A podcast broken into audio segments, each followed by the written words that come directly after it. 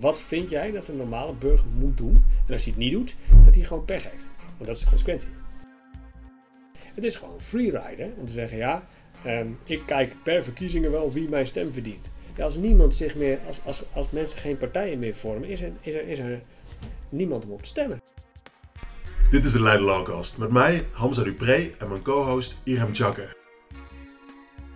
En vandaag zitten we in de studio samen met niemand minder dan hoogleraar decentrale overheden Geerten Boogaard. Welkom Geerten, leuk dat je er bent. Dank voor de uitnodiging. Ehm, en het is vlak na de gemeenteraadsverkiezingen en daar willen we je vandaag ehm, over uh, bevragen. Maar voor we dat gaan doen willen we eigenlijk aan je vragen of je wil vertellen over je studententijd. Mijn studententijd, ja die was uh, ook in Leiden. Ehm, ik kan niet zeggen dat ik daar nou heel erg over nagedacht had. Mijn vader had hier gestudeerd en mijn broer studeerde hier. En, en ik ben geboren en getogen in Warningsveen. Dus ja, de, de trein uh, naar de universiteit die ging naar Leiden. Uh, dus ik heb, de, ja, zo, zo hobbelde dat. Uh, ik heb niet uitgebreid op, op allerhande voorlichtingsdagen geweest. ja, één wel. Ik wilde eigenlijk wel het leger in, leek me wel wat. Maar vooral de marine had eigenlijk mijn, mijn belangstelling. Vandaar dat ik ook nog marinepak aan heb. Blauwe jas. Blauwe das is niet voor de KLM. Maar, en, uh, um, maar daar kwam ik erachter dat je, uh, als je geen uh, natuurkunde en geen wiskunde kan, zoals ik, dan en je een beetje met je pretpakket zeg maar, door het VWO aan het loodsen bent, dan krijg je een fijne functie aan de wal op de administratie. Dus dan kun je wel de rangen doorgaan, maar dan ga je niet varen. En dat was eigenlijk wel het hele idee om bij de marine te gaan. Dus dat verviel. En toen uh, uh, ging ik maar gewoon, uh, de, de, de sub-optie was rechter worden, kantonrechter. Lijkt me nog steeds hartstikke leuk. Nou, om dat te gaan doen moest je rechter gaan studeren. En studeren deed je in Leiden. En dat telde ik zo een beetje op. En toen was ik vrij snel klaar eigenlijk. met de afweging om naar Leiden te komen. En dat was in 19... 99, mijn studentnummer. Uh, ik denk als ik er nog een tijdje over nadenk, komt dat weer boven. 990128. Maar goed, dat, dat Hugo de Grootstraat. En uh, uh, daar waar nu die appartementen zitten. Oh ja, dat is wel leuk daar. Ja, dat was wel leuk. Het, het, verhaal ging, ik weet niet of het waar was, er zat, er zat een chemiefaculteit. vroeger, voordat de rechtenfaculteit erin kwam, dat, ja, dat was heel raar. Want als je naar uh, rechts het gebouw in ging, dan kon je niet helemaal achterlangs doorlopen en naar links weer uitkomen. Mm -hmm. uh, want er zat, in het midden liep dat vast. Uh, en dat schijnt te zijn, omdat destijds toen het gebouwd werd, de ene chemicus niet met een andere door één deur kon. En dan hadden ze het zo ontworpen dat ze allebei een vleugel hadden en elkaar ook niet. het, kan, het verhaal kan ook te mooi zijn of waard zijn, maar dat, dat kan nooit een reden zijn om het niet te vertellen. Nee, dat um, ja, dat was, het was wel, zeker staatsrecht, staatsbestuur zegt dat in dat zaaltje links. Uh, uh, voor dit gebouwtje links, uh, dat, dat, ja, gut, dan zat je daar beneden. Daar zat vroeger dus het chemielaboratorium. Dat was wel een beetje een soort KGB-verhoor. Wat zit dat nu? Van die, wat daar nu links zit, dat weet ik niet. De fietsenkelder vermoedelijk, maar niet het, hoort, de, de, het gebouw zelf is, is helemaal tot appartementencomplex. Ah. Ja. Dus daar, daar, toen werd nog gezegd, nee, maar jullie gaan nog meemaken dat we naar de Kamerling Ondersgebouw gaan. Maar dat maakt hij alleen mee als je goed uitliep. Mm -hmm. uh, dus, uh, want de verbouwing liep ook uit, dus dat, dat legitimeerde dat een beetje. En toen, uh, ja, ik, dat, ik heb daar een fantastische tijd gehad als student.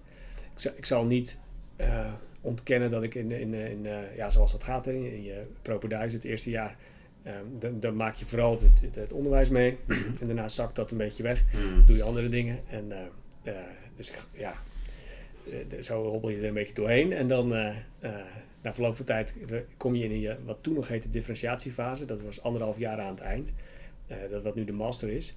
En ja, dan, dan, dan geef je weer gas en wordt het weer leuk. En dan heb je eigenlijk beter mee, inmiddels mee eens dat je rechter bent gaan studeren. Ja, herkenbaar. dan, en dan, ergens, ik zie het ook nu, vanaf de andere kant zie ik het gebeuren. Ze komen dan uh, bij mij binnen helemaal in september. En dan, ja, dan ergens tussen, tussen dat ik zou helemaal aan het begin van de studie zie en aan het eind in de, in de masterfase dat deel wat dan uh, toevallig in onze niche terechtkomt. Dan, het merendeel heeft dan echt uh, bedacht waarom ze het eigenlijk doen. En, mm. en, en, dat lijkt mij helemaal de normale gang van zaken. Ja. En je zegt van, ik heb me met andere nevenactiviteiten bezig gehouden. Ja. Voor bepaalde hobby's of verenigingen waar je bij zat? Ik zat bij Panoplia, dat is een kleine christelijke vereniging. daar heb ik natuurlijk heel veel tijd aan besteed. En ik woonde ook in een huis met met twee andere gasten waar wij heel veel plezier maakten. Ja, gut, wat doe je? dat is, dat is, dat is, is eindeloos uh, een beetje op de bank te ouwe hoeren. Dat is, uh, ja. dat is wat je dan doet.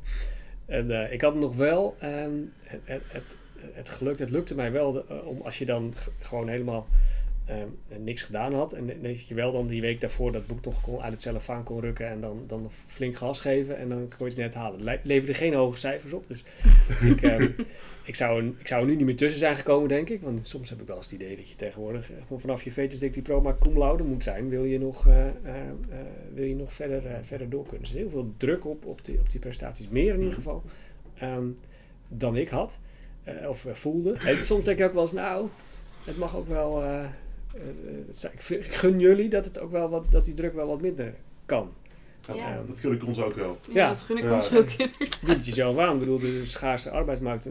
Mensen zitten op jullie te wachten. Dus Ja, ja dat zeggen ze. Ja, Dat zeggen ze dat de arbeidsmarkt open ligt. Nou ja, Ja. ik heb wel zin. Maar, je eh, hebt, niks, ja, je hebt gisteren nog gesolliciteerd, maar je bent meteen eruit ja, gegooid. nee, nee, nee. Ik heb nog niks gesolliciteerd. Het enige wat ik heb gesolliciteerd was hier en hier ben ik het geworden. Dus zie je, eh, allemaal. En was dat omdat je zulke hoge cijfers had voor je eerstejaarsvakken? nou, ik denk meer mijn, eh, mijn charme. Precies. Dat kun je beter aan mij vragen. Ik heb je aangenomen. Ja, Irene, waarom ben ik aangenomen? Dat was een Nee, goede ja, podcast, hè. Dus Ja. stem vooral. Ja. ja. Ja, precies. Ik heb hem al eh, eh, geprezen voor zijn mooie lage stem. Ja, ja dank. Dank Eerte. Je hebt ook een mooie stem. Dank je, dank je, dank je. Ja. En Enige jaloezie. ben je eigenlijk blijven hangen na je, na je studie hier? Of eh, heb je iets, eerst iets anders gedaan? Eh, ik ben eh, na mijn studie eh, ben ik eh, bij het Centrum Indicatiestelling Zorg gaan werken, het CIZ. Ja, ook niet heel erg over nagedacht. Ik heb over heel veel dingen eigenlijk niet echt goed nagedacht, maar dat, dat was toen een vacature die je in deeltijd kon doen en ik wilde heel graag ook een proefschrift gaan voorbereiden. Nou, eigenlijk wilde ik, eh, ik dacht nou, kan mij het schelen als ik afgestudeerd ben, ik ga gewoon een uitkering aanvragen en ik ga een boek schrijven. Zo, zo, dat, dat dacht ik. Maar toen kwam ik bij, dat, bij de sociale dienst en eh, er werd mij op verschillende manieren duidelijk gemaakt dat dat ook niet ging doen. En de meest effectieve was, eh, wat ik me sindsdien ook nooit ben vergeten, en, eh, hoe je, wat je dan allemaal voor tafel moet zeggen. Ja, laat jij je bankafschrift even zien en waar je sollicitaties en waarom heb je dat niet. En dus je moet echt met je ziel en zaligheid tafel daar gaan. wil je die uitkering krijgen. Dat was toen al, is alleen maar erger geworden. Ehm, dus toen dacht ik, nou, het zo moet, dan ga ik wel werken. Dat was waarschijnlijk de bedoeling van die actie. Dus volstrekt terecht dat ze dat, ze dat bij mij zo gedaan hebben. Eh, maar toen had ik, zag ik een deeltijdbaantje eh, eh, bij het eh, destijds regionaal indicatieorgaan nog in Alphen. Eh, dat waren de, daar moest je bezwaar en beroep doen voor de, eh, voor de toekenningen van AWBZ-zorg. Dat, dat is dus de zware zorg, dat is huishoudelijke hulp en de, eh, de plaats in het, in het, in het verzorgingshuis enzovoort. En dat zijn besluiten en daar kun je dan tegen procederen. En iemand moet dan dat besluit gaan verdedigen of Mm. eh, die heroverweging gaan leiden. En dat deed ik dan twee dagen per week. En daar verdiende ik genoeg van om, eh, om toch nog gewoon, door te blijven leven zoals ik eigenlijk wilde. En ehm, nou, dat was wel eh, ontzettend leuk werk waar ik, nog, waar ik veel van geleerd heb en eh, eh, nog vaak aan terugdenk. Omdat je dan ook echt, je ziet het gewoon. Je ziet hoe de overheid met zijn mensen omgaat. Dat is het, het, beste en het, en, het, en het slechtste. Nou, het echt slechtste heb ik niet gezien. Ik heb niet gezien dat, dat er afpakjesdagen waren en zo. En dat soort eh, fenomenen die we van de toeslagenaffaire hebben gehoord. Eh, maar wel, ik heb wel gezien eh, hoe de overheid eigenlijk een, een afweging maakt. Zo van, denk ik, ja, we kunnen het meest, het gaat het meest efficiënt door gewoon een streep te zetten door alle hulp voor iedereen. En we zetten overal alles door de helft. En in bezwaar horen we wel eh, of het deugde, ja of nee. Hè? Dat, dat, op een gegeven moment wordt gewoon ergens die afweging gemaakt. En, dan, en dan, dan zie je pas in bezwaar dat, dat de overheid gewoon bezig is geweest om oude vrouwtjes die, die zes uur hulp hadden naar drie uur hulp te zetten. Voor- Op, terwijl ze 86 zijn. Dat je denkt, ja, was dat nou? Hè? Ja. Wat werden, we nou werden wij nou? Wat was nou het probleem van Nederland in die jaren? Nou, er waren allemaal bejaarden, zaten daar een beetje de pot te verteren voor zes uur hulp per week. dus dat, dus dan, dan denk je wel, ja, ik snap de afweging en ik begrijp het ook wel. En zoveel mogelijk gerepareerd enzovoort. Maar je ziet dan de logica van de overheid die behoorlijk eh, vermorzelend kan zijn. En je ziet ook de waarde van eh, de individuele eh, bezwaarafhandelaar, de individuele ambtenaar aan de andere kant van de tafel. Degene die wel belt, degene die wel kijkt, degene die wel de moeite neemt. En daar zit de overheid ook vol mee. Althans, in het CZ eh, zat daar vol mee. Van echt mensen die dan die, de, de- de- in, die frontlinie daar nog wel proberen een menselijk gezicht aan te geven. Nou, dat is wel een. eh, plus ik kwam erachter dat ik eigenlijk het meeste wat ik, de meeste kennis die ik nodig had, die, die, die moest ik toch nog opzoeken. Hè? Net als met een rijbewijs. Als je pas eh, in je eentje op weg zit, dan denk je shit, maar wat is die beroepstermijn dan en zo. Hè? dat is, dan zit je als een gek te bladeren in, dat- in dat boek. Want ja, ze kijken wel naar jou en jij moet het dan weten. Dus je kunt wel zeggen, nou, eh, hè, als je op het tentamen denk je, ja, ik hoor wel of het goed is. Maar als je daar eh, van de rechter hoort dat het niet goed was, dan zegt jouw baas, maar hadden jou toch ingehuurd om het goede antwoord te geven.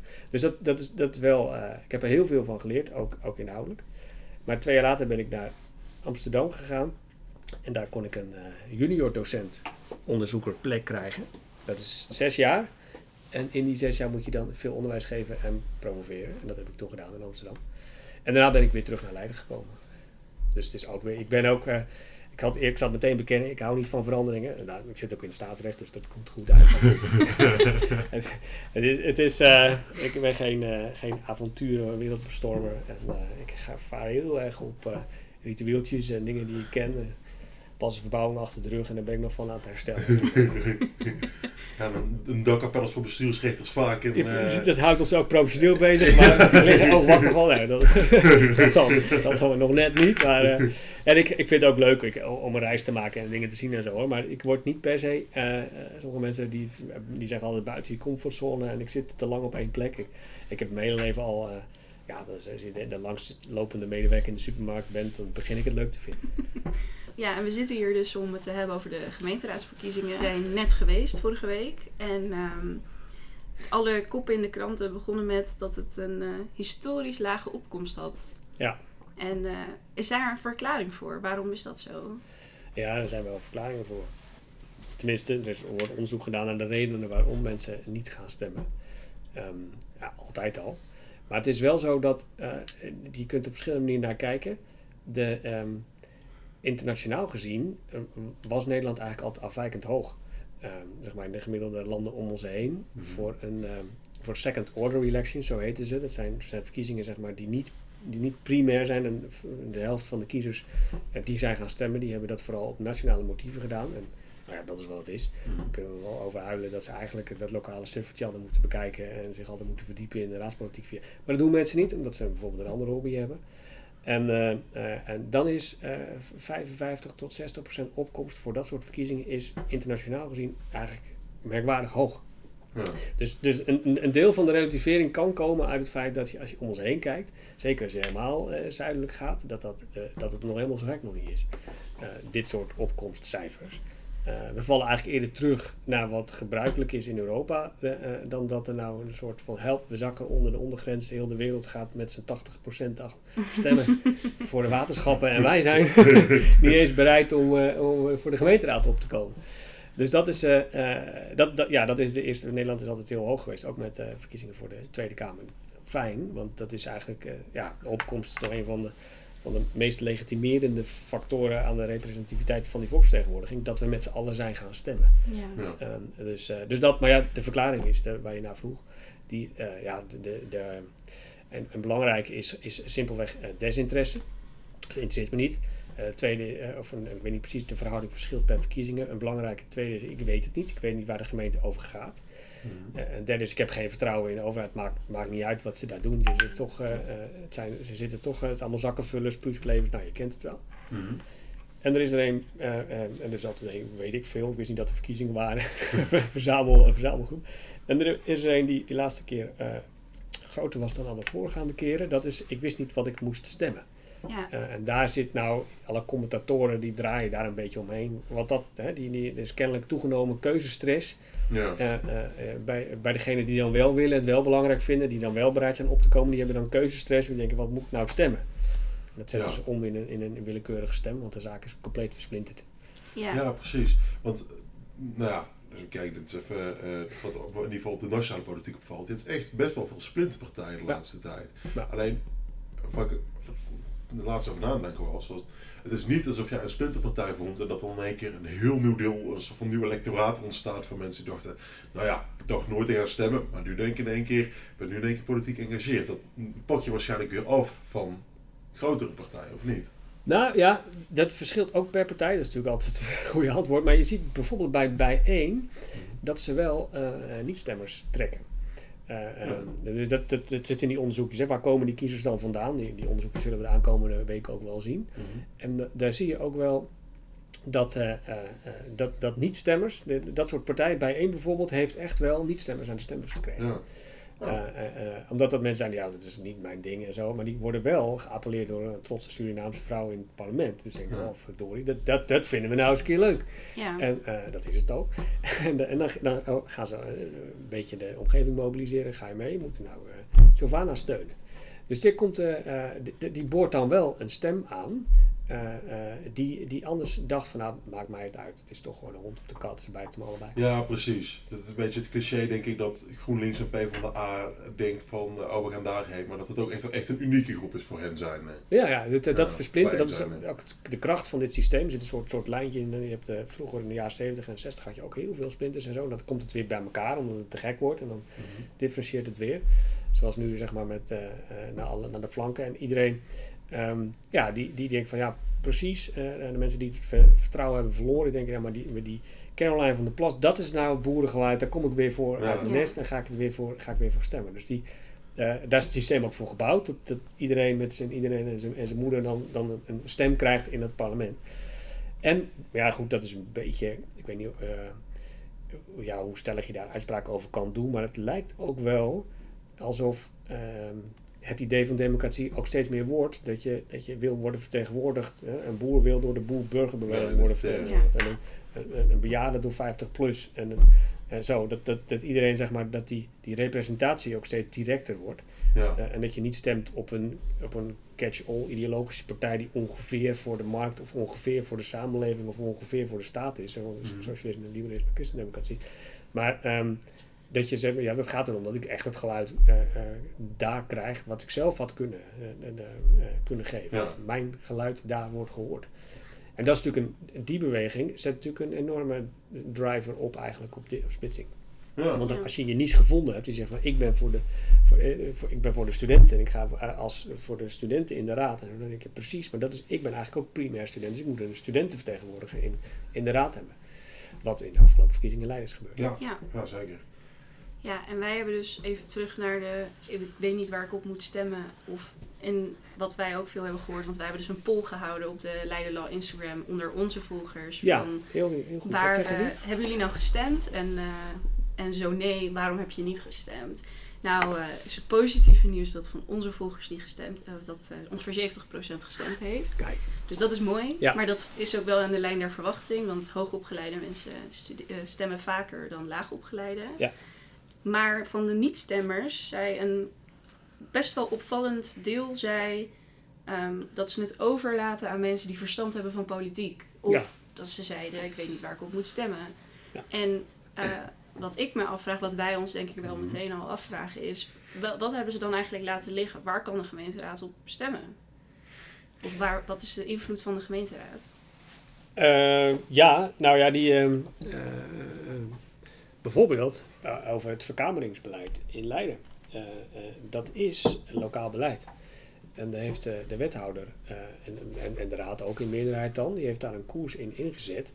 En ehm, die, dat was een keuze van de raad. En die kun je corrigeren door jezelf politiek te manifesteren en dan de raad in te gaan. Volgens mij, ik heb niet helemaal tot achter de komma gevolgd, maar ik dacht dat wethouder Spijker wel ook in de Mare had gezegd dat het eigenlijk niet de bedoeling was. Die had een soort van een soort laatste.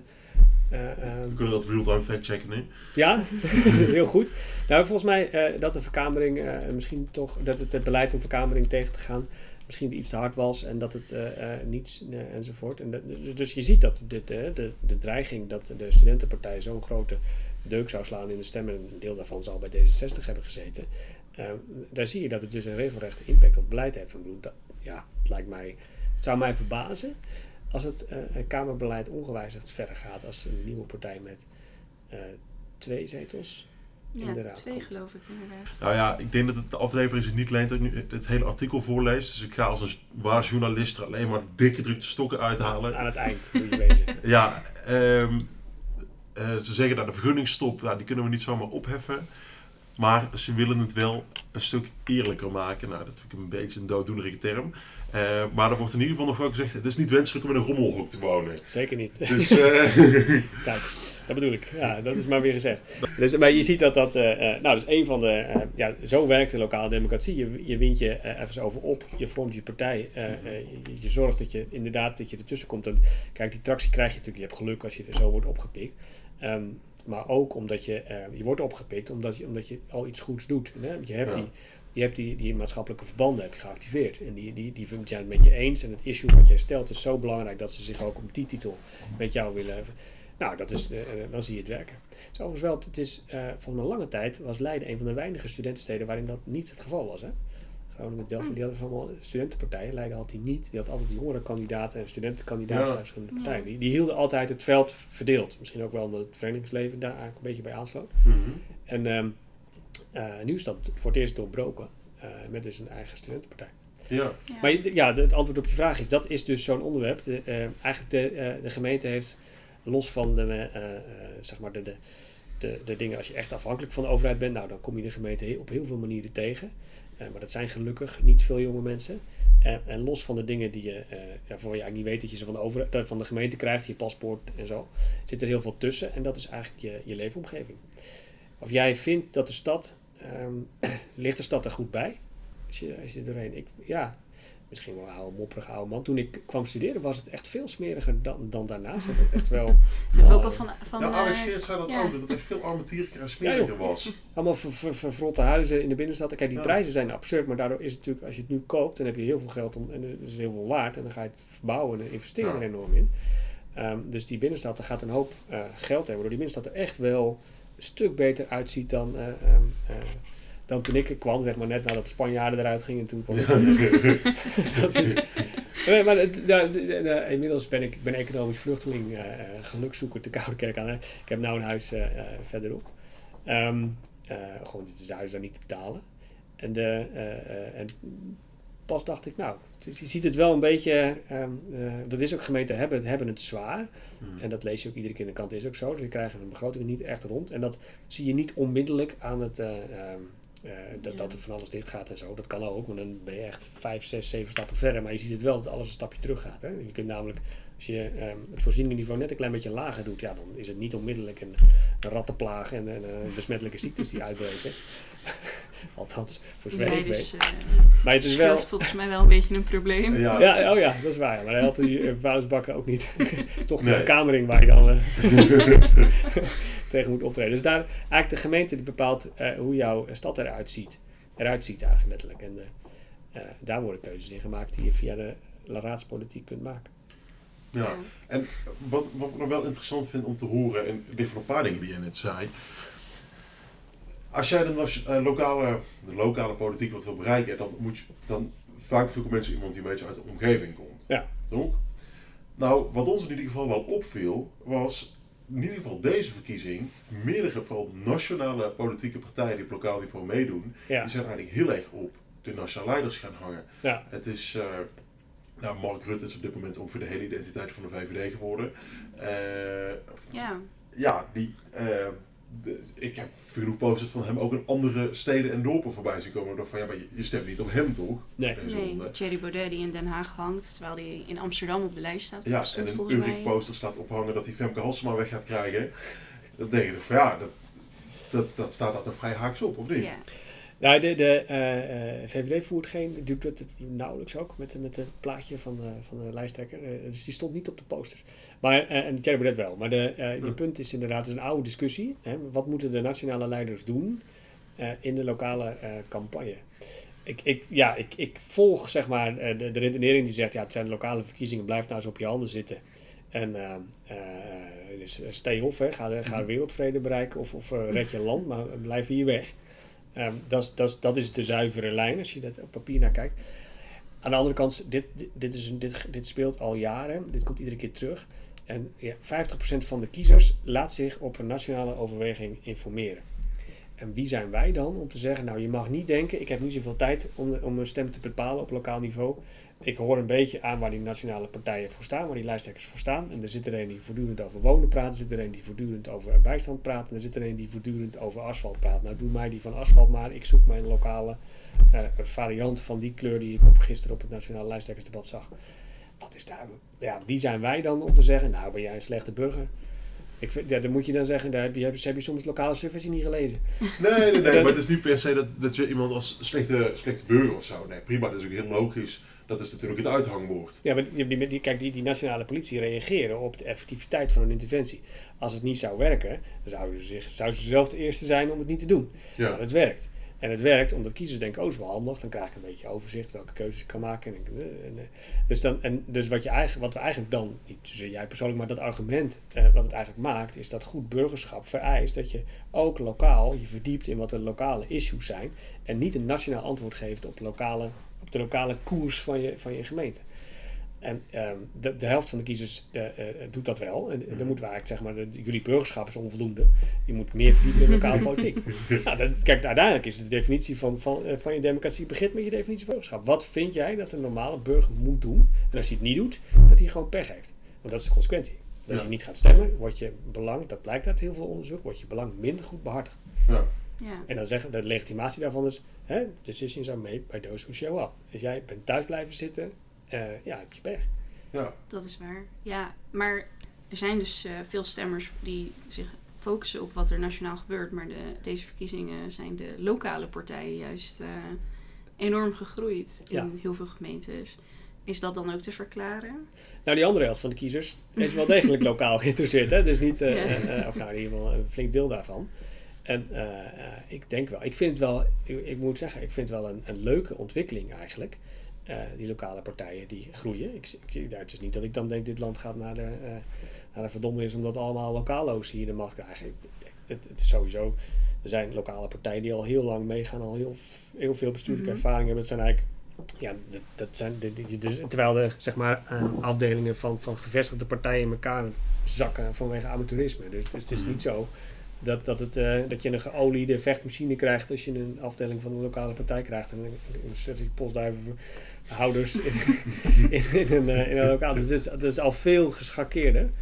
Ehm, maar het, het, het, het, eh, de groei van de mogelijkheid om lokale politiek te bedrijven en daar ook voor de, door de kiezer op beloond te worden, vind ik alleen maar leuk.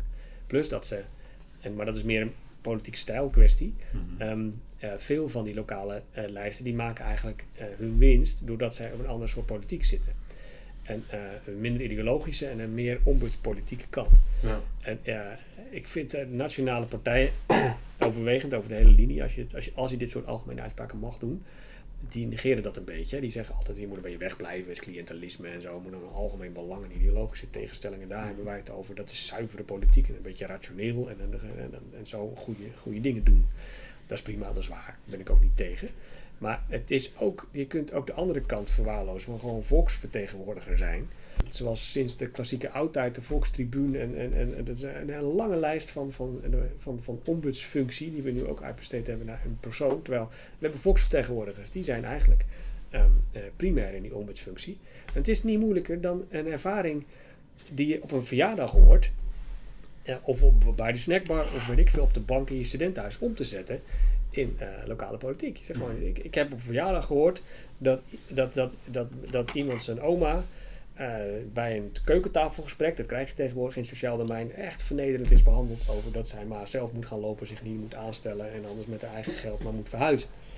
Dat, nou, dan moet je wel uitzoeken of dat klopt. Maar als dat klopt, kun je daar gewoon eh, de wethouder mee benaderen. Al dan niet rechtstreeks of wel op publiek of, of op een andere manier. Zeg maar, is dit, als, dit eh, de- de- de- de- als het waar is, in de zin dat die ervaring echt waar is, dan, dan zeg je gewoon, een burger van deze stad is zo behandeld. Of het is een foutje. En dan gaat ze morgen een bos bloemen krijgen. Of dit is geen foutje. En wat gaat u er dan aan doen? ja. Moeilijker is het niet. En eh, daar is dus de- Richard de Mos en, en eh, Lennart in Barendrecht en al die, die doen het zo. Ja. En dan denk ik, ja, let maar eens op. In plaats van zeggen, ja, dit is nou voor de, voor de ordinaire stemmen, ronselaarij en zo. Dat wordt heel erg neergekeken op Richard de Mos. En ik weet ook niet of hij helemaal ongeschonden uit die strafprocedure komt. Maar de essentie van wat hij doet, en daar vind ik voor de lokale democratie eigenlijk alleen maar winst. Ja, ja, ja ik, ik snap wel goed wat je zegt, maar kijk, het is misschien een beetje een bouwde uitspraak om te zeggen, maar wat op nationaal niveau me veel eerder bijna met een soort populistisch vleugje voorkomt. Als je dat op nationaal niveau doet, van ja, we willen gewoon niet dat deze brug nu eh, wordt gesloopt of we willen niet dat dit wordt aangepast. Dat is voor mij in ieder geval wel iets wat heel makkelijk is. Bijvoorbeeld het verkameringsbeleid in Leiden. Ja. Dus dat heel veel impact heeft op mijn leven. En is Ja. dat misschien het grootste algemeen belang wat ermee wordt gediend, als dat links of rechts omgaat, weet ik niet. Maar om eerlijk gezegd, maakt me dat ook niet zo heel veel uit op gemeentelijk niveau. Ik wil gewoon lekker kunnen wonen. Ja. Ja. Dat is uiteindelijk wel waar het me om gaat. Precies, en jij wil lekker kunnen wonen en je wilt het ook in de stad doen. Want als je echt, als het één kant op zou gaan en je daar alleen maar mensen zoals jezelf tegenkomen in de buurt, dan wordt het ook een beetje, denk ik, dit gaat niet goed. Of als het juist het omgekeerde is, dat je de enige bent die nog studeert tussen met te midden van allemaal junks en weet ik, denk nou, dit is ook niet wat ik mezelf voor had ideaal. gesteld. Nee. Dus je, je zoekt dus vanuit, zeg maar, het, de, de- wat je eh, dan zegt, nou, ik wil wel een normale kamer hebben, waar, eh, waar ik geen schurft op loop en het, het, het tocht niet. die, eh, ehm, eh, die wens, die hangt natuurlijk ook gewoon, die hangt gewoon samen met je, met je leefomgeving. Wat is de stad waar je in wil wonen en hoe wil je daarin wonen? En dat is een hele, ja, primaire politieke vraag. ja. Waar je dan gewoon, en ja, daar, heb je dan, daar vorm je dan een mening over die als vanzelf, zeg maar, veralgemeniseerd wordt. Want je standpunt is niet, de hele stad moet kamer worden. Nee, natuurlijk niet. standpunt is, er moet meer en zo, en zo is het. Als vanzelf is het, is het veel meer algemeen belang, maar wel vanuit je eigen ervaring opgezet. Je denkt van, hoe, hoe, waarom gaat het zoals het gaat? Waarom, hoe kan dit dan? Welke processen zijn hier aan het werk dan? Zitten hier eh, politieke belangengroepen achter die zeggen, ja jongens, als wij die verkamering gewoon tegen hebben, wij mooie pandjes waar we flink geld mee kunnen verdienen? Of, of zitten er Ja. te veel studenten? Of worden die kamers gebruikt om allemaal eh, eh, Oost-Europese arbeiders in te vestigen die die leefbaarheid van die wijk helemaal kapot maken? De, de, de, zo, zo, zo krijg je zo'n zo'n kwestie van ik wil gewoon een fatsoenlijke kamer. Die Ja. wordt gewoon een volle politieke vraag. Ja. Je- En- Dankjewel voor het goed praten van mijn eh ordinaire eigen belang nastreven. Lift u op. ben je gaan stemmen? Ja, ik ben gaan stemmen, ja. Goed, ja. Jij? ja, zeker. Maar ik woon inmiddels een korte tijd in Den Haag. Dus eh, ik ben in Den Haag gaan stemmen. Ja, Richard de Mos. Daar mag je niet, je Niet niets op over Richard de zeggen. Mos. Maar heb je, eh, merk jij iets van Richard de Mos? In, in de zin dat hij, eh, dat claimt hij, dat hij al overal komt. Nou ja, ik, wat ik dus. ehm, ik had het ook opgeschreven als notitie waar ik het over zou willen hebben. Want ik zat van. Een vraag die ik wilde stellen is: kunnen we de decentrale verkiezingen niet wat meer aandacht geven? Want ik woon nu dan in de politieke hoofdstad van, van Nederland. En ehm, behalve de twee laatste dagen voor de verkiezingen heb ik eigenlijk heel weinig gemerkt van, van de politiek en van. Er, er zijn niet echt. eh, ze, ze zeggen vaak: eh, we gaan de wijken in. Nou, Ja. Ik woon echt in een, in een typische woonwijk. Nou, ik heb helemaal niks gemerkt. Behalve van de groep van Richard de Mos. Dat is de enige groep die bij mij in de wijk. eh, allemaal problemen heeft aangekaart, geflyerd. En nou ja, de dag voor de verkiezingen kreeg ik nog een aantal flyers door de br- brievenbus. Maar dat was het. Ja. Dus ehm, mijn gevoel was, ik, als iemand die er ook nog eens heel erg geïnteresseerd in is en die veel bezig is met politiek, dacht ik, hmm, ik was bijna vergeten dat we verkiezingen hadden. Ja, Dus eh, ja, dus ja, wel een beetje, maar echt alleen van die groep ja. dus. En, en, en da- dus daarom, daarom vind ik los van, van wat hij verkeerd doet, dan moeten we ook zien wat hij goed doet. Eh, en hij verbindt daarmee. Kijk, het, het officiële eh, hoog, door, hoog over antwoord is natuurlijk dat het uiteindelijk onze verantwoordelijkheid is, als mensen van andere partijen, ehm, om hetzelfde, dezelfde politieke stijl te, te proberen te implementeren in die wijk. Eh, dus dat jij voor de partij waar je wel voor bent hetzelfde doet. Maar ja, dat, is natuurlijk ook, dat gaat een hoop tijd kosten en dat moet je ook leuk vinden. En, dan moet dat ongeveer. eh, ja, maar de, eh, daar komt het wel op neer. Het moeten voldoende mensen eh, de tijd hebben om, en de tijd nemen en de verantwoordelijkheid voelen om dat te doen. Ik heb diep respect, ik heb zelf ook wel eens gedaan, diep respect voor die, voor die gasten die dan inderdaad met die windchecks bij die, eh, bij die stations staan en Ja. die winkelstraat staan. Ja. Weet je wat die over zich heen krijgen? Ja, voor de lol, heb je, eigenlijk moet je het een keer, moet je doen. Maakt niet uit van welke partij. Behalve voor Richard de Mos misschien. Maar eh, eh, ga er maar staan. Wat mensen jou... Die denkt, ik sta hier verdorie ook. Alsof, alsof ik niks beters te doen heb. Ja, Dan sta ik hier gewoon... Ik denk dat, nou, een foldertje. Hier. Hè, of als je je verveelt. Of anders zet je je koffiekopje erop. En dan... Dit is... eh, nou, dit is... eh, eh, terwijl die... Ja, de, en natuurlijk, eh, de, de, de politici moet je wantrouwen en er allemaal, eh, weet ik het, allemaal reden om daar scherp op te zijn. Maar die gasten die daar bij het station staan, dus die, de merendeel gaat niet in de raad. Dat, en dat, dat hoopt misschien ooit minister-president te worden, maar dat staat daar ook gewoon maar dat het goed is dat we met elkaar een democratie zijn. ja. Ehm, en eh, ja, dat, ik, ik, dat had het over de definitie van burgerschap. eh, burgerschap. Je kan niet van mensen verwachten. Dat is niet realistisch als ik al heel naar mijn eigen familie kijk. Dat ze allemaal staan te folderen daar op maandagochtend. Nee, dat Gaat, niet- gaat gewoon niet gebeuren. Eh, eh, maar eh, de mensen die wel zeg maar, zeg maar de, de democratisch burgerschap Mhm. echt, echt zo vol eh, invullen, Mhm. die hoeven we ook niet allemaal over de hele linie zo aan te pakken. Naar mijn gevoel is het, als je tegenwoordig zegt, ik ben lid van een politieke partij, dan word je al, dan, dan, eh, als je op een verjaardag zegt, ik ben lid van de politieke partij, eh, eh, dan heb ik het idee dat, dat ik veel sneller in de verdediging moet. Zo, ik, ik Ja. ben, ik ben slapend lid, ik heb, ik heb achterop op de lijst gestaan, ik, eh, eh, ik heb echt Ja. ik doe eens wat of zo. Maar ik ben echt niet vol in. Ik wil ook helemaal niet, zeker niet echt actieve politiek. En daar ben ik helemaal niet geschikt voor. En, maar het is zo. En dan, dan krijg je het. eh, terwijl je zegt, ik ben. En, en jij dan? Wat, wat doe jij om de wereld Ja. achter te laten? Ja, ja, ja. Dit is heel herkenbaar. Ik heb op een gegeven moment, nou, ik heb, ik heb een tijdje bij de JOVD gezeten en toen ging ik me erover inlezen en toen dacht ik van, ik ben hier heel snel weg. Eh, en toen ben ik naar de D66 overgestapt. Ja. En als je mensen dat horen die dat niet stemmen, of vooral een beetje tegen zijn, die worden dan in één keer heel, heel, heel aanvallend tegen Ja. je. Terwijl ik dan denk van, ja, Je bent lid. ik heb hier ook niet, ik, ik, ik eh, betaal onder het jongere tarief, ik betaal de helft van, eh Ja. ik ben voor 12,50 klaar, laten we even niet doen alsof ik met hand en tand Sigrid Kaag sta te verdedigen. En eh, Alsof vaak- jij het beleid bepaalt. Ja, ja Nee. vaak, vaak zijn de leden nog de eerste die, eh, die bereid zijn om de eigen eh, voorlieden eh, zeg maar, van kritiek te voorzien. ja, Je voelt je toch eh, wat, eh, wel- je bent toch wat, wat scherper op je eigen eh, mensen. Maar eh, ik heb wel eens verdedigd, in, maar dat komt ook meestal niet zo ver om eh, pek en veren de zaal uitgejaagd. Maar dat je eigenlijk pas zou mogen stemmen als je lid bent van een politieke partij. Het is gewoon freeride om te zeggen, ja, ehm, ik kijk per verkiezingen wel wie mijn stem verdient. Ja, als niemand zich meer, als, als, als mensen geen partijen meer vormen, is er, is, er, is er niemand om op te stemmen. dat vind ik eigenlijk wel een heel interessant punt. Dat vind ik eigenlijk wel heel interessant dat je erover begint. Jij bent erbij. Wil je daar misschien eh, wat dieper op ingaan? Ja, ik vind dat zelf echt een heel, heel mooi punt eigenlijk. Nou ja, politieke partijen zijn maatschappelijke verbanden. Die worden gevoed door mensen die, die politiek maken. Voor de mensen voor wie het een hobby is. Ja. Dan zegt iedereen, ja, het zijn maar 2%. Ja, dat, is, dat hadden er ook meer mogen zijn. Maar goed, dat is nou eenmaal mensen die dat doen. En eh, die mensen, die ehm, zorgen eigenlijk dat er een keuze is om te maken. Die, Ja. die bieden jou die folder aan. Als alle partijen weg zijn, dat ze zich hebben weg, eh, eh, beeld dat er zin, zijn weggehoond. En denken, nou weet je wat, doe het anders lekker zelf. Dan staat er dus niemand meer op maandagochtend in zijn windjack die folders in je klauwen te douwen. En ja, is er ook ge- geen kandidatenlijst meer ingediend, is die democratie leeg. De democratie is zo sterk als er mensen bereid zijn het menu te vullen met een Ja. keuze.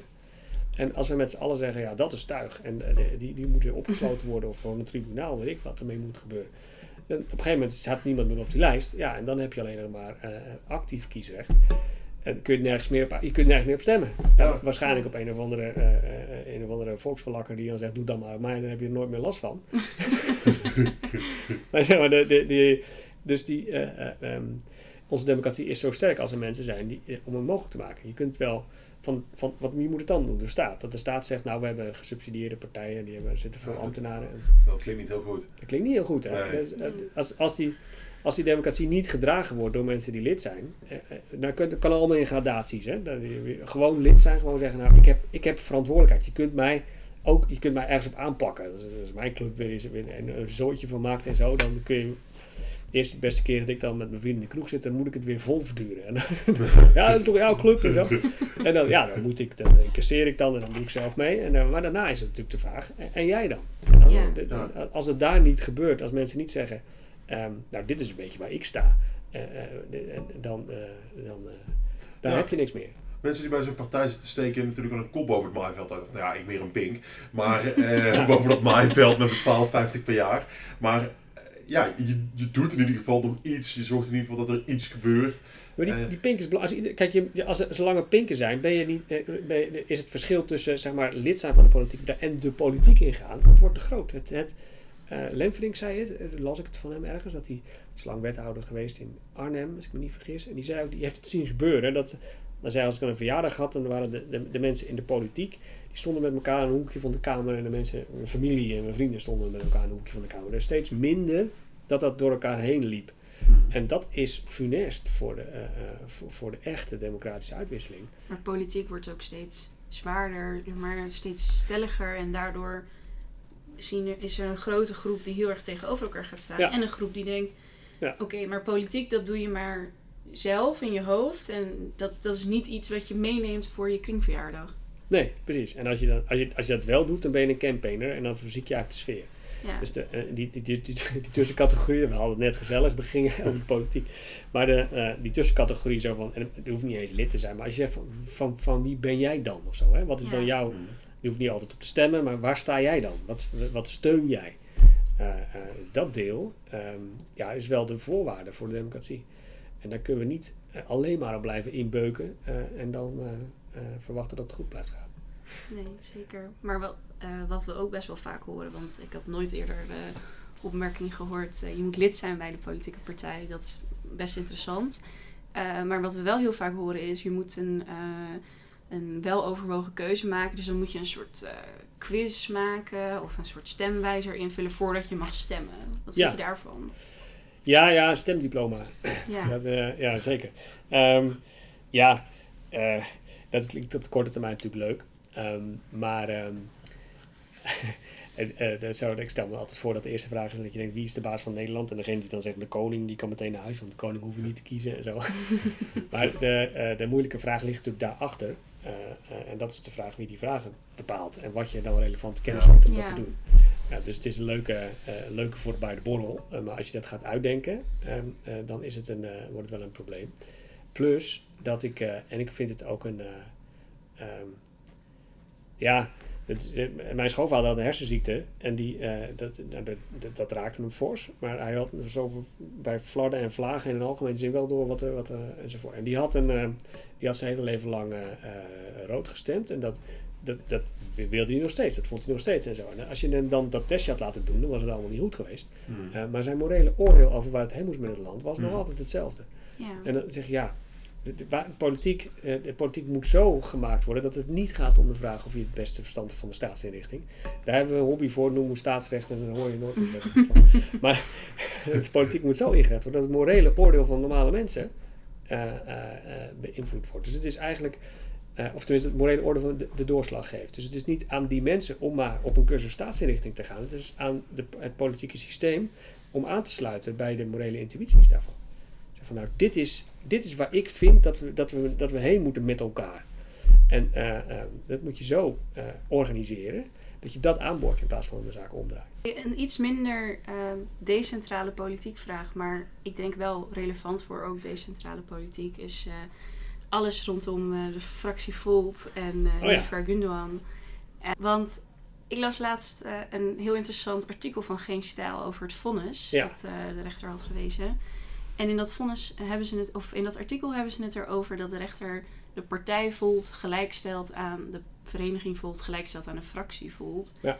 Maar ehm, hoogleraar eh, Jan Elzinga die zei eh, dat dat helemaal niet kan. Dat een rechter geen uitspraak mag doen over een fractie. Ja. En ben ik benieuwd hoe dat zit en hoezo dat dan in dit geval wel gebeurd is. En, ja. Ja, een interessante kwestie. De, de, ehm, ik heb het ook gelezen en eh verbaast mij eh, vooral ook dat eh, heel veel van die reacties, ik dacht, hoe, gaan ze hier nou op reageren? Er waren eigenlijk, Ja. want het zijn vaak prima geïnformeerde lui die daar, die daar zitten te reageren.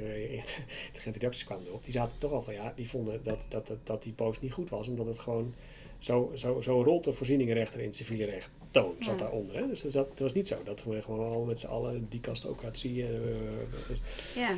dat, eh, nee, ehm, ja, naar mijn beste kennis eh, is het eh, is een fractie. het lastverbod scheidt de fractie van de partij. Dat is ook heel goed, want daardoor heeft zo'n fractie ook het, het vrije mandaat om, om, om in onderhandeling te gaan. Als je, als je die club zou, zou permanent zou vastbinden aan de- het oordeel van de achterban, ja. dan krijg je dus wel een probleem. In de zin dat je die, die 2% van de mensen die dan lid is van de politieke partij, die komt op zo'n congres. Die, dat zijn vaak een, een, een wat, eh, wat geharnastere soort enzovoort, die dan ook nog in naar de congres komen. En die douwen dan door dat de fractie van de VVD iets moet stemmen. Terwijl de VVD dan eigenlijk voortdurend klem wordt gezet. En elk compromis wat ze sluiten, dan kunnen ze natuurlijk thuis horen dat het, nou, gaan we hadden gezegd, geen millimeter op de kilometer heffing of weet ik veel. Dus die krijgt, je kunt alleen maar een, een werkzaam parlement overhouden als die gasten die daar zitten vrijheid hebben om onderling een compromis te sluiten. En dan zeggen, ja, je bent nu kwaad, maar over vier jaar moet je kijken wat het totaalpakket is. Dus dat lastverbod is wel een cruciale voorwaarde in de verhouding tussen de vereniging en de fractie om het systeem te laten werken. En dat lijkt deze voorzieningenrechter, zonder dat ik één zichtbare overweging daarover lees, ehm, eh, ja, niet mee te nemen. Ehm, eh, en dat ze dan gewoon eigenlijk, zeg maar, gegeven de onrechtmatigheid, waar best veel voor te zeggen is dat het een onrechtmatigheid was, ehm, eh, hobbelt ze zeg maar zonder eh, enige zichtbare extra afweging door naar het dictum. En dan zegt ze, nou ja, Ja. die onrechtmatigheid is dit, dus de dictum is dan dat je die onrechtmatigheid wegneemt, dus weer terug. En eh, dat, zit, dat, is, dat is misschien wel, en dat is mijn vermoeden, eh, typisch ook voor, eh, voor het klassieke juri- of, civiele recht. Als jij namelijk een geschil hebt tussen twee buren en de, de heg is te hoog, dat staat vast. Wat is dan het dictum? De heg moet naar beneden. In het staatsrecht zit er een extra vraag bij, want je kunt wel gelijk hebben, maar het feit dat jij gelijk hebt, betekent nog niet dat elke interventie ook toegestaan is. Mhm.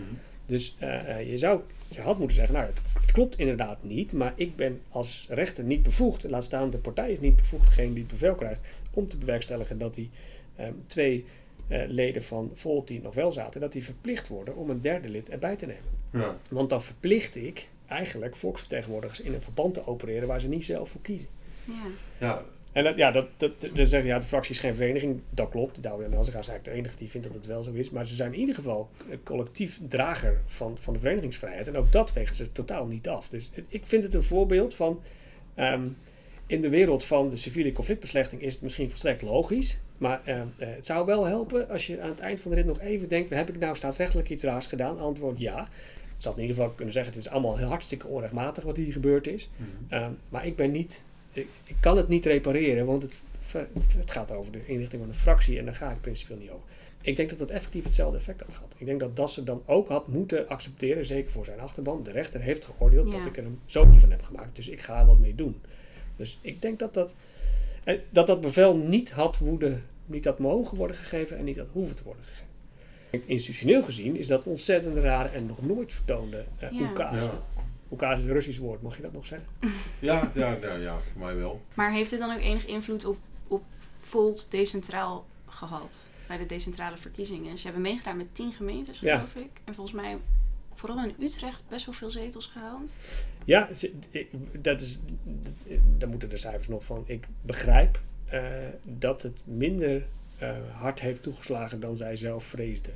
Ja, dat is ook bij het FVD volgens mij eh, wel, heeft wel veel meegespeeld. Want zij hebben wel echt in enorm veel gemeentes meegedaan. Maar Ja. wel best wel veel zetels alsnog. Maar in veel gemeentes één zetel Ja. of geen zetel. Ja, ja, ja. Dus het, het, het, het legioen eenmansfracties is eh, iets in de 500 of zo. Dat is een Ja, veelvoud van het aantal gemeenten. En er zitten natuurlijk verschrompelde grote partijen bij, maar ook, eh, wat noemen die zo? Bruggenhoofden. zo, eh, van, van een nieuwe tijd, spreek ik dan maar. Dus dat zijn ook allemaal, ja, zo begin je ook met je, met je zo is de SP ook begonnen. Met je kleine partij. Dus ja, dan krijg je wel een, een, een, een enorme categorie eenpitters. Dus overigens is het aantal gemeenten met een absolute meerderheid ook toegenomen. Ja. Niet schokkend. meerderheden, ja. Er zijn er nu vier of vijf of zo. Die Ja. gewoon in, hun eentje kunnen Ja. regeren. Ja, waar, dat waaronder eigenlijk, eh, het zijn eigenlijk alleen maar lokale partijen. Echt voor Barendrecht heeft een Hellendoorn, Hilvarenbeek volgens mij, en, en de Zeewolde. Nou, Zeewolde, dat is met die dataopslag, Ja. eh, Ja. toch? Ja. Ja, Daar ja. hebben zij op gewonnen inderdaad. Dat is misschien wel even goed om aan toe te voegen dat je. ehm, ik- zat net te renten op, op gewone mensen die niet lid zijn van politieke partijen. Die rent steek ik eh, op verzoek overal af.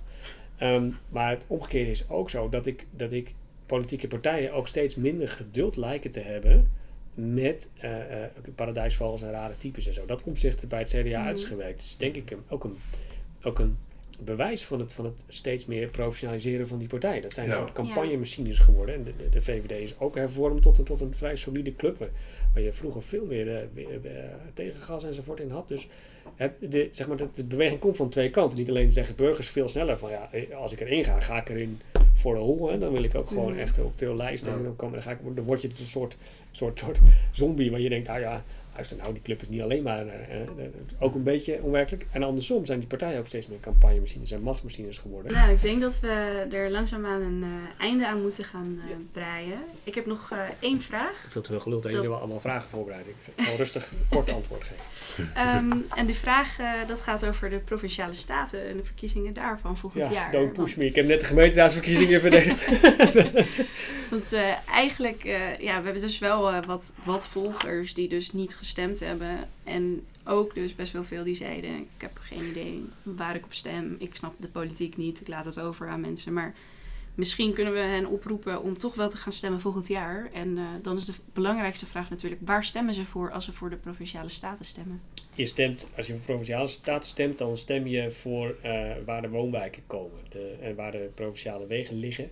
Hoeveel buslijnen er zijn, dan stem je voor dat soort dingen. Dus als je wil dat je provincie volgebouwd wordt of volgens komt staan met windmolens of juist een fijne groene hart blijft houden. Zeker in Zuid-Holland, dat groene hart is, is Ja. big issue. De provincie ligt er nu voor. Alphen wil woningen bouwen, maar dat mag niet van de provincie. En er, er, zijn, eh, er mogen geen windmolens in het groene hart komen. Dat is de provincie die dat zegt. Als je zegt, die provincie moet dus ophouden met het groene hart. eh dan moeten we er gewoon, ja, we maken er een mooi stadspark van. Daarnaast, we zijn één meter op pol. We gaan gewoon, eh, laat maar gaan. Ja, dan moet je, eh, die keuze wordt straks bij de Provinciale Statenverkiezingen gemaakt. Alsof de Randstad de Randstad blijft. Ja. Zeker. En eh, sommige mensen zeggen, we moeten door. En het is gewoon één grote stad. En dit is een stadspark. En daar moet je het ook, meer moet je er niet voor maken. En dan natuurlijk het indirect stemmen voor de Eerste Kamer. Ja. Ja, dat, is, dat, dat komt er dan weer achterweg. Eh, maar de spanning is daar een beetje van af. In die zin dat lange tijd was het altijd nog de vraag of het kabinet een meerderheid zou hebben in de Eerste Kamer. Nou, de, de, kans daarop is zo klein geworden dat iedereen zich er al maar neergelegd dat dat niet het geval zal zijn. Eh, eh, dus, dus het is niet zo, eh, halen ze de meerderheid? Nou, waarschijnlijk niet. Eh, ehm, eh, maar goed, daar, moeten ze sowieso mee gaan dealen. Dus dat, dat komt wel goed. Ik zou er trouwens heel erg voor zijn als de, niet alleen provinciale staten voor de gemeenteraad stemmen, maar ook de gemeenteraden. Omdat je dus die lokale partijen, die komen er nooit tussen. Die, Ja. die- die doen dus niet mee in die, in die afweging. De gemeenten worden nationaal vaak afgescheept, want ja, die hebben toch geen stem. En eh, eh, via de provinciale statenverkiezing wordt de Eerste Kamer in lijn gezet. Als we nou Ja. al die gemeenteraadsleden gewoon een stem geven op de Eerste Kamer, dan krijg je daar een dik lokaal blok. Ja. Nou, die zullen we Rutte wel een armpje per rug draaien als het niet goed gaat. Ja, dat is eigenlijk misschien wel een goede. En zeker ook, het rare is, nou, het logisch is ook wel ergens, die provinciale staten die hebben nog een lagere opkomst Ja. eh, dan de gemeenteraden. Eh, ja, misschien vergeleken met andere landen alsnog wel prima. Nee, nou ja, dat, is, dat wordt wel laag hoor. Dat is zo. Oké, Ja. nou ja, dan jongens, stemmen voor de provinciale staten. Maar in ieder geval, dat is best wel laag. Maar daar komt wel de Eerste Kamer uit voort. En de Eerste. Kamer heeft toch stiekem wel best wel een belangrijke werking. Zeker. Het zijn vaak niet, eh, niet de mensen die echt het nieuws halen. Ja. Niet die eh, Ja. het NOS-journaal ziet koppen. Maar het zijn wel mensen die uiteindelijk de demper zijn op wat er in de Tweede Kamer gebeurt. Ja. Dus het kan eigenlijk best wel handig zijn om juist een misschien iets sterker democratisch gelegitimeerd orgaan als Ja. zo'n gemeenteraad daar, eh, daar de delegatie van te laten vormen. Ja, dat, eh, maar goed, dan kom je aan de zittende macht, dus dat is altijd lastig om dat dan eh, aangepast te krijgen. Provincies, de instituties zijn heel taai, Ja. Eh, ehm, die krijg je niet weg. Maar dus, dit is de enige, eh, daar was het nou gewoon de zaak uitbreiden en we halen die, die gemeente erbij, dan krijg je daar een beter mandaat voor. ja. Ehm, ja, het nadeel is dat niet alleen gaan ze dan dempen, maar ze gaan ook tegenhouden wat ze eigenlijk niet hadden mogen tegenhouden. Dus het, is, het werkt altijd twee kanten op. Eh, ze dempen waarvan je blij bent dat het niet voorbij de Eerste Kamer komt, maar ze blokkeren ook waarvan je hoopte dat het zou gebeuren. Ja. ja. Dus het is misschien niet allemaal roze geur maar schuim. Dit is, nee, het, sterker nog, als het alleen maar, eh, als iedereen tevreden is, wordt iemand genaaid. Dus, dit, is- dus, ja, dus, nou, ik, ik moet zeggen, dat zijn al vrij wijze woorden. Maar we hebben alsnog de rubriek wijze woorden, dus je hebt al je kruid verschoten. Nee, eh, nou ja, ik denk eh, ook bij de tijd Ja. moeten we een beetje aan de afronding naartoe werken. ja, Het was in ieder geval, ja, ik vond het echt een, een leuke uitzending. En ook, ik heb altijd een beetje gehad, bestuur en staatsrecht, het voelde een beetje ver van mijn bedshow. Maar het is eigenlijk best wel interessant. Dus eh heel erg bedankt. En ik hoop Ja. dat de luisteraars dat ook vinden. Ja, ik vond het ook erg eh, leuk. Bedankt. Ja, nog onze eh, traditionele ondertussen afsluitende rubriek. eh, de wijze woorden. de wijze woorden. Ja, ik denk dat ik, dat ik de, eh, eh, de meest wijze woorden toch eh, van Herman Vinkers eh, komen. Eh, en die zegt, ja, het wordt pas leuk als het niet meer logisch is. En dat, dat vind ik eigenlijk wel... ehm, eh, dat, dat word ik, daar word ik eigenlijk ook wel blij van. Van, van dat idee dat je... eh, eh, de recht is toch een beetje een systematisering wat we doen. Uh, maar daar waar het, waar het eigenlijk niet, niet rond te krijgen is, waar je de, die, de, de tegenstelling niet opgeheven krijgt, omdat het gewoon het blijft botsen, omdat het twee gelijkwaardige waarden zijn die erachter zitten, ja, daar zit wel, uh, daar zit het licht. Um, uh, daar zit de creativiteit, daar zit de vrolijkheid. En dat houdt ons spelletje een beetje leuk. Uh, dus dat is wel, dat zou ik wel, laat je niet te veel opjagen door de wens om het kop, kloppen te houden.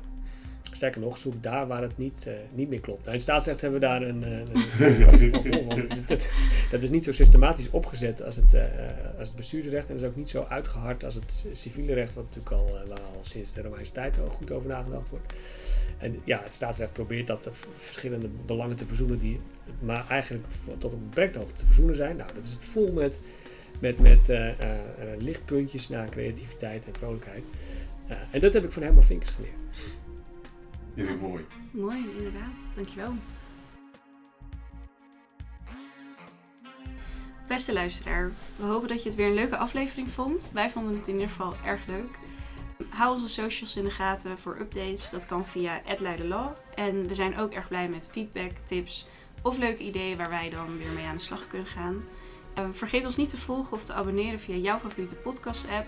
En als je naar ons luistert via Spotify, dan zouden we het extra leuk vinden als je ons 5 sterren geeft via de nieuwe beoordeelfunctie in de Spotify-app. Tot de volgende keer. Yes, tot de volgende keer. En in de lijn van Herman Vinkers. Het stoplicht staat op rood, stoplicht staat op groen. Hier is altijd wat te doen.